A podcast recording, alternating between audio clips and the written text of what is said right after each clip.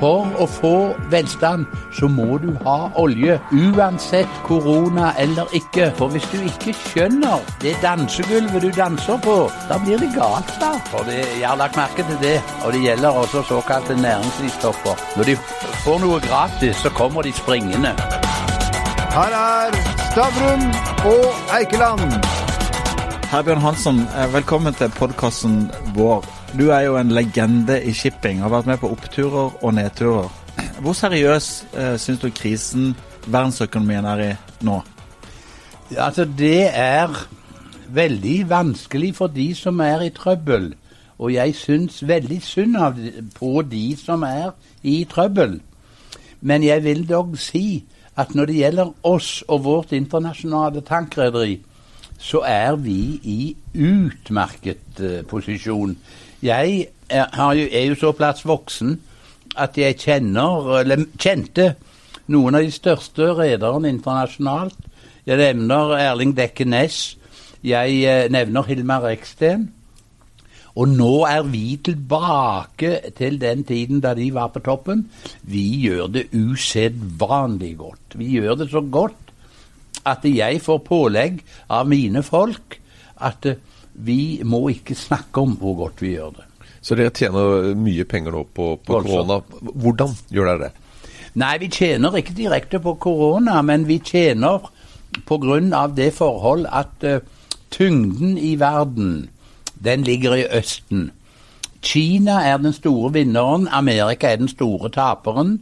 Og uh, Kina vinner alt dette. Korea, kjempestormakt.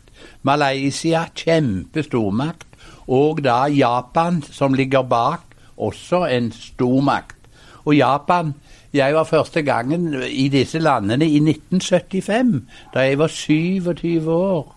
Og Japan Alle observatører i Vesten har sagt om Japan at de er altfor gamle. Menneskene er altfor gamle, og alt er så gammeldags og dårlig. Og så er det en verdensmakt. Og tyngdepunktet i Uansett korona eller ikke, tyngdepunktet i verden er flyttet til Østen. Jeg synes de koronasakene Jeg er redd for de vil vare lenger enn iallfall jeg trodde. Og jeg liker det lite, det må jeg bare si.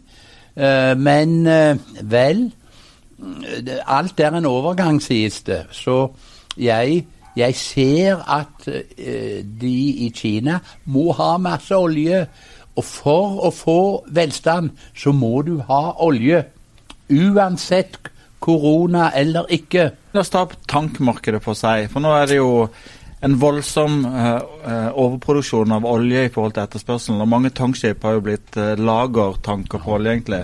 Uh, hvordan er ratenivået på skipene deres, og hva, hva, gjør skipene? Frakter de olje, eller lagrer de olje? Nei, de, de frakter olje alle steder, rundt hele verden.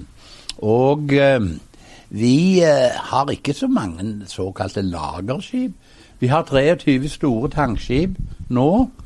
Og eh, jeg legger til grunn at vi har vel per i dag ca. tre som ligger som la, kanskje lager. Men de kan også gå.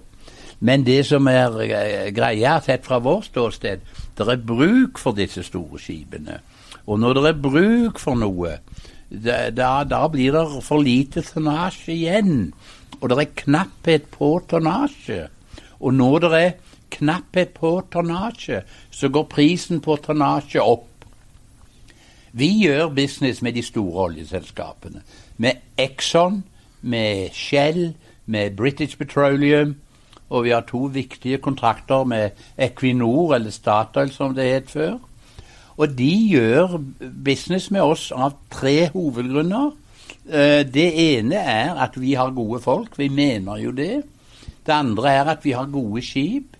Og det tredje er at vi har tilgang til kapital. Jeg sa til en norsk banksjef at eh, vi dealer med en bank som er mye større enn dere. Og så sier vedkommende ja, men er det noen som er større enn oss? sa han. Ja da, der er det. For vi dealer med i det amerikanske kapitalmarkedet. Og når du har uh, gode ideer og har en god uh, god rapport, eller reputation, som de sier, så vil folk gjøre business med dem. Vi kan jo trygt si at uh, i dag så er uh, ditt selskap, uh, Natt, som er notert i New York, det er en pengemaskin akkurat nå. Ja, det er det. Altså det, vi snakker om at dere tjener 700 000-800 000 om dagen. Ja, ja. Og har kostnader på 80 000-90 000 driftskostnader, pluss litt finansielle kostnader. Ja. Det altså Nei, vi tjener voldsomt mye penger nå, men, men Hvor lenge vil dette kunne vedvare, tror du? Jeg, det ser ut for at det vil være bra i år og neste år. Ser ut for det, sett fra mitt perspektiv. Jeg føler meg nokså trygg på det. Men, men du er jo kjent som utbyttekongen Ja. i New York. Ja. Altså du har jo eh, eh, Vi snakka litt om det på vei ned der, Gunnar. Men eh, er det snakk om 47-48 kvartal på rad du har utbetalt utbytte? 90. 90? ja. Ok, da Tiden, flyr når du tar imot utbytte. Men- Men, kom- men du, eh, ikke for å avspore deg, Ole, men for å dra lytterne med. altså Driftskostnadene på en Suezmax er kanskje 8000 8000 dollar om dagen. Ja. Og nå er ratenivået på Ja, nå er det på Jeg vil si konservativt, gjennomsnittlig, så er det på 45 000, er det 50. Så det har jo vært over 100. Så netto inntekt per båt per dag er 40 000 dollar. Altså nesten, dag, ja. en, nesten en halv million kroner i pluss per båt per dag. Ja, det er riktig, det. Det blir penger og sånt. Ja, altså jeg regnet ut eh, da eh, med eh, altså at vi ville, basert på første kvartal i år, hvis det fortsetter et år, så ville vi tjene ca. 3,5 milliard kroner. Hvis det fortsetter hele året fremover, så ville vi tjene 5 milliarder kroner. Så vi, vi, vi vil tjene Altså, vi investerer en krone, og så får vi igjen en krone. Så det er jo ganske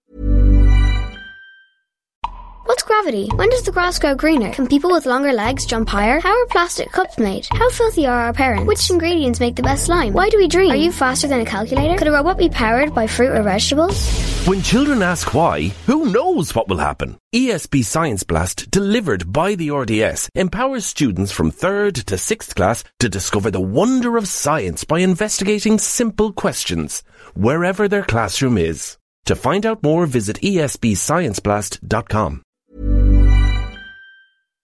Men, men dere har jo mye Altså, tank går jo opp og ned. Det er en veldig syklisk eh, Ja, det, det, det, er det, men vi er ikke helt eh, Vi er veldig spesielle. Vi er veldig spesielle. Vi er bare én type skip. Og eh, jeg er veldig opptatt av I business er det ofte sånn at grådigheten overstiger intelligensen.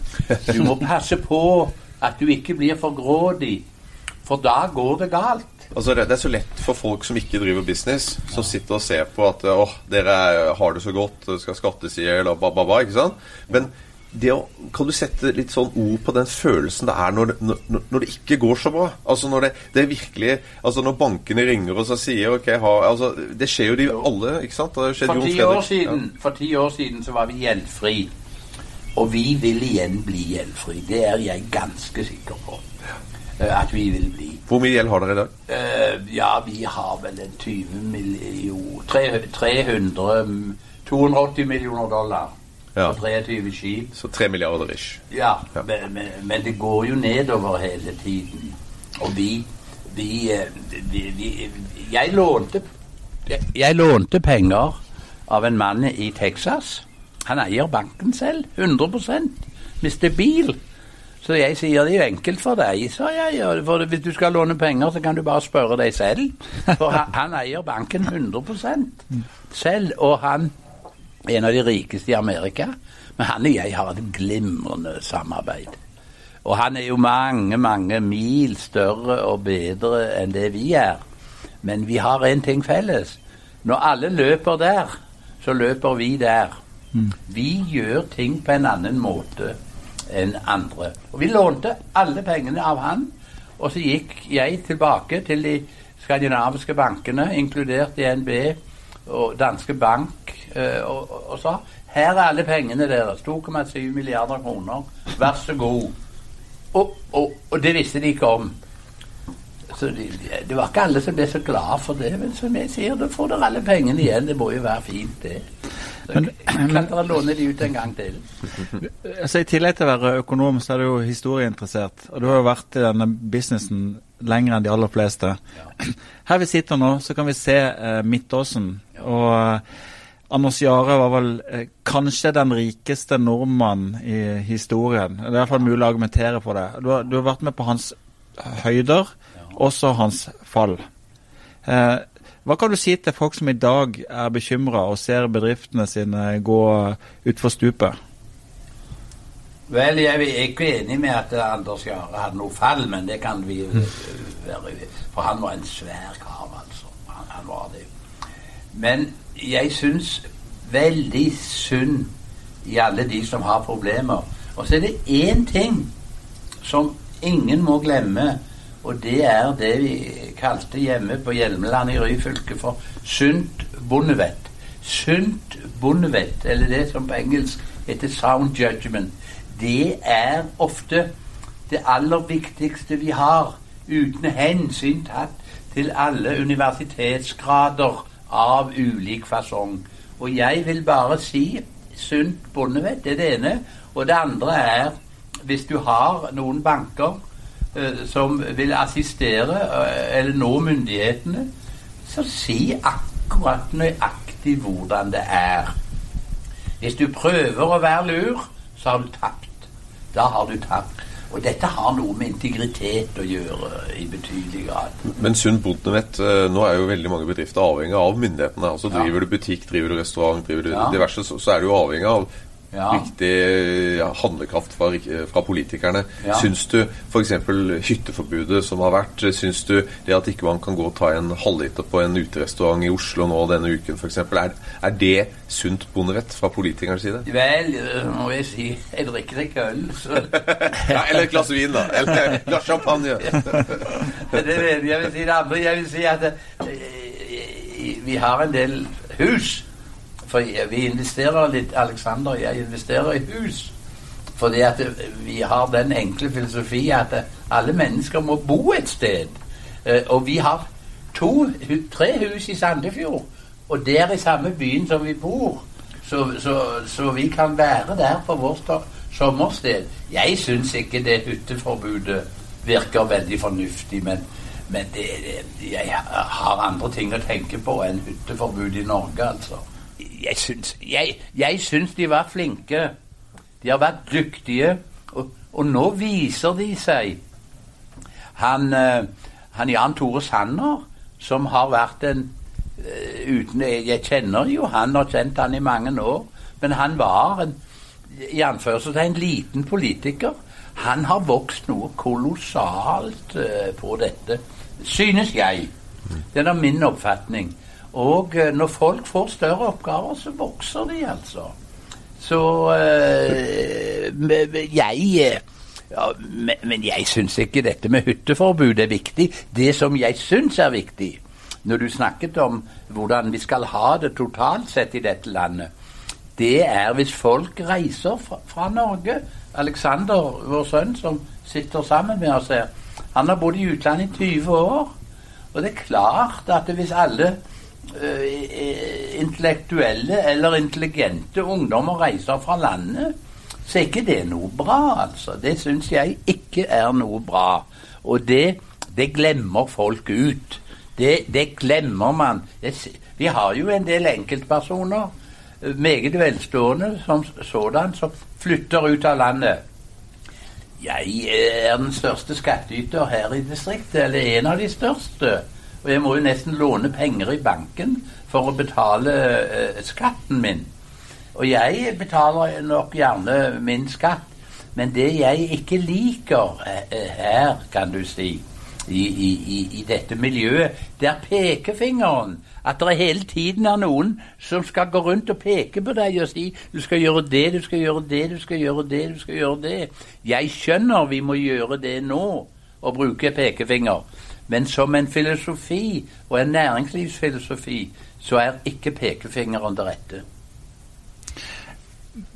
Du var ikke med på eksempelet Anders Jahre, men det grunnleggende spørsmålet det er på en måte Du har sett du har sett kriser før. Du har sett tank, tanknæringen falle sammen. Du har sett jappetidens oppslutning, Ja. bankkrisen, finanskrisen. Ja. Hvis vi bare ser på det økonomiske nå, er dette en, det verste du har sett? Eller hvordan vurderer du den krisen sånn totalt sett? Og tenker jeg ikke på rederiet deres, men tenker generelt. Ja, ja det, jeg vil nok kanskje si det. det. Er nok det verste jeg har sett. Men løser de denne her koronakrisen, så vil det snu veldig fort. Dette snur veldig fort, men jeg, jeg vil nok si det er noe av det mest eh, alvorlige jeg har vært borti. Men eh, hvis nå de finner ut av dette, så, så snur det trill rundt med en gang. For det er en veldig dynamikk i systemet. Og jeg tror i mange steder, også her i dette landet, så eh, er den dynamikken undervurdert. Og jeg syns, eh, som jeg sa, myndighetene har gjort en veldig god jobb. Og deres evne til å gjøre en jobb, den, den Jeg syns det er ganske imponerende, jeg, altså. Jeg, jeg, jeg skal jo ikke bare skryte av alle fra Rogaland, men Bent Høie han er jo nesten hjemmefra, altså. Må jo få lov å nevne det. Men hvis vi beveger oss enda lenger ut i verden, så er jo eh, rederiet deres eh, finansiert eh, i, eh, i USA. Eh, og så gjør du stor business mot Kina. Ja. Og vi er jo midt inne i en retorikk, i hvert fall en form for handelskrig og blame-fordeling mellom Donald Trump og Xi Jinping. Hvordan stiller du deg til krigen mellom USA og Kina? Jeg er helt sikker på at det er Kina som vinner den. Hvorfor det? Jo, det er fordi de er 1,3 milliarder mennesker. Og eh, Donald Trump og Amerika har valgt å ta en annen rolle. Tidligere ønsket vi at Amerika skulle være verdens politimester. Men eh, de- har nå delvis bestemt seg for at det vil ikke være lenger. Det blir for dyrt. Mens Kina, og jeg ser det jo jeg, vi har mange eh, fra Kina som jobber i vårt system. De vil ha velstand, de vil ha biler, de vil at barna skal gå på, på skole, de vil ha fargefjernsyn, og det ene med det andre. Så, og for å få til velstand så må du bruke olje. Så sier eh, jeg til kineserne ja, men dere bruker nå olje, og da forurenser dere, sier jeg. Ja, men, eh, men, men det, det gjør ingenting om vi forurenser litt, for vi får velstand. Og plussen med å få velstand for mine barn og min familie, den plussen er større enn forurensningen. Eh, det er hovedgreia. Ja, ja, vi ser det hver dag. Vi har Macao. eh, der er vi stadig vekk. Nå er det et spesielt sted, riktignok, men vi ser det stadig vekk, og vi har mange kinesere i vårt brød. Men, men eh, akkurat den krigen har også hjulpet uh, både dere og tankmarkedet veldig. Når, det som skjedde med, med Costco her i september og oktober, hvor uh, 40 tankskip ble tatt bort, og plutselig så gikk ratene i været. Så det, er jo noe positivt som kommer ut av den også for tankmarkedet, er det ikke? Jo da, det, det er det, men, men jeg, eh, jeg, legger ikke så stor vekt på alle disse helt tilfeldige eh, sakene. Jeg ser på eh, Altså, vanligvis så har alle rederiene bygget markedet i hæl. Jeg nevnte uh, at de var for grådige, og grådigheten overstiger intelligensen.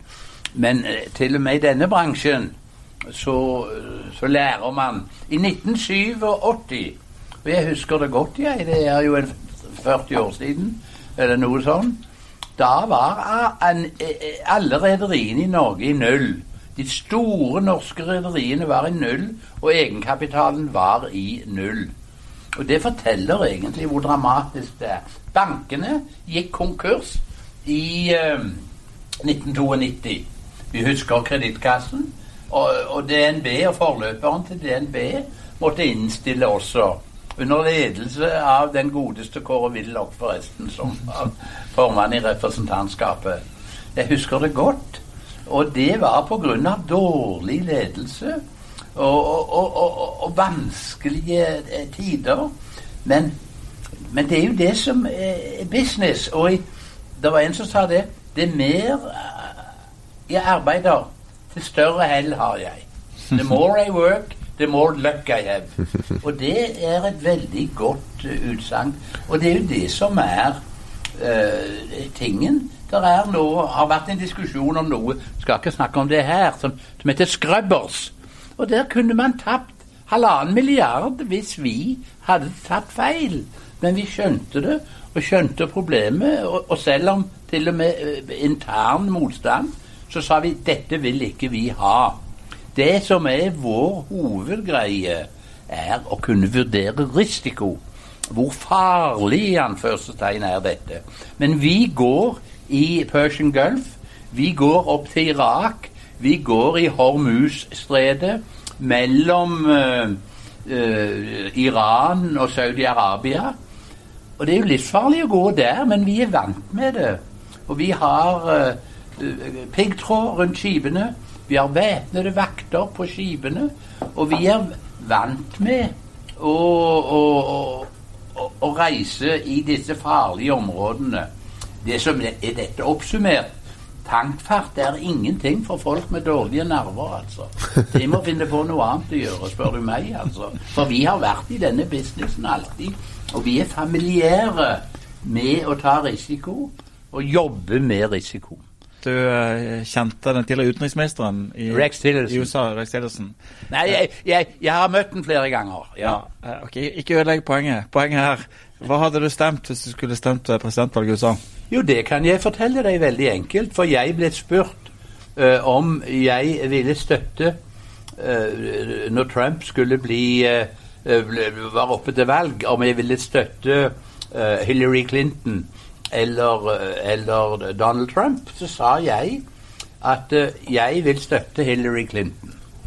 Sa jeg. Og det eh, var et public statement.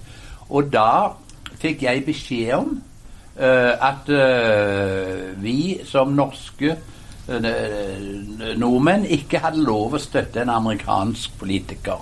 Det er det samme andre veien for øvrig. Men så Jeg har en Harvard-professor i, i mitt styre, og han eh, alle, alle som bor i Boston, de er demokrater. Og han jeg lånte alle pengene av. Han er god venn med Trump, så det ble litt komplisert for han. Men eh, for å gjøre en lang historie kort eh, Jeg, jeg stemte på, eller ville stemt på Hillary Clinton. Ville du ha stemt på Trump nå, etter at du har sett han Nei, jeg, det, er et teoretisk spørsmål. Jeg, jeg får stemme i Norge, jeg. Inntil jeg bestemmer meg for noe annet. Så, men ja, det ser jo merkelig ut, alt det de holder på med. I forretningslivet så snakker man om det som heter the black swan. The black swan. Når det skjer noe uventet. Og jeg har jo sagt eh, internt og i andre sammenhenger at den store black swan i hele denne situasjonen, det er Amerika. De er uforberedt på å håndtere dette. Det er helt åpenbart at de er det. Og det ser jo vi veldig klart. Og vi har jo vært i Amerika. Jeg var der første gang i 1972, det er jo en liten stund siden.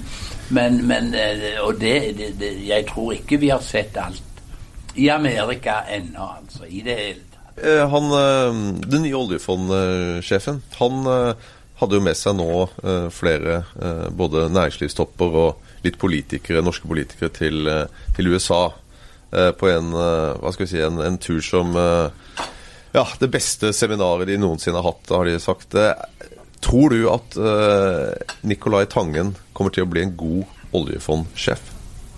Jeg kjenner ikke Tangen, som er helt sikkert en førsteklasses person.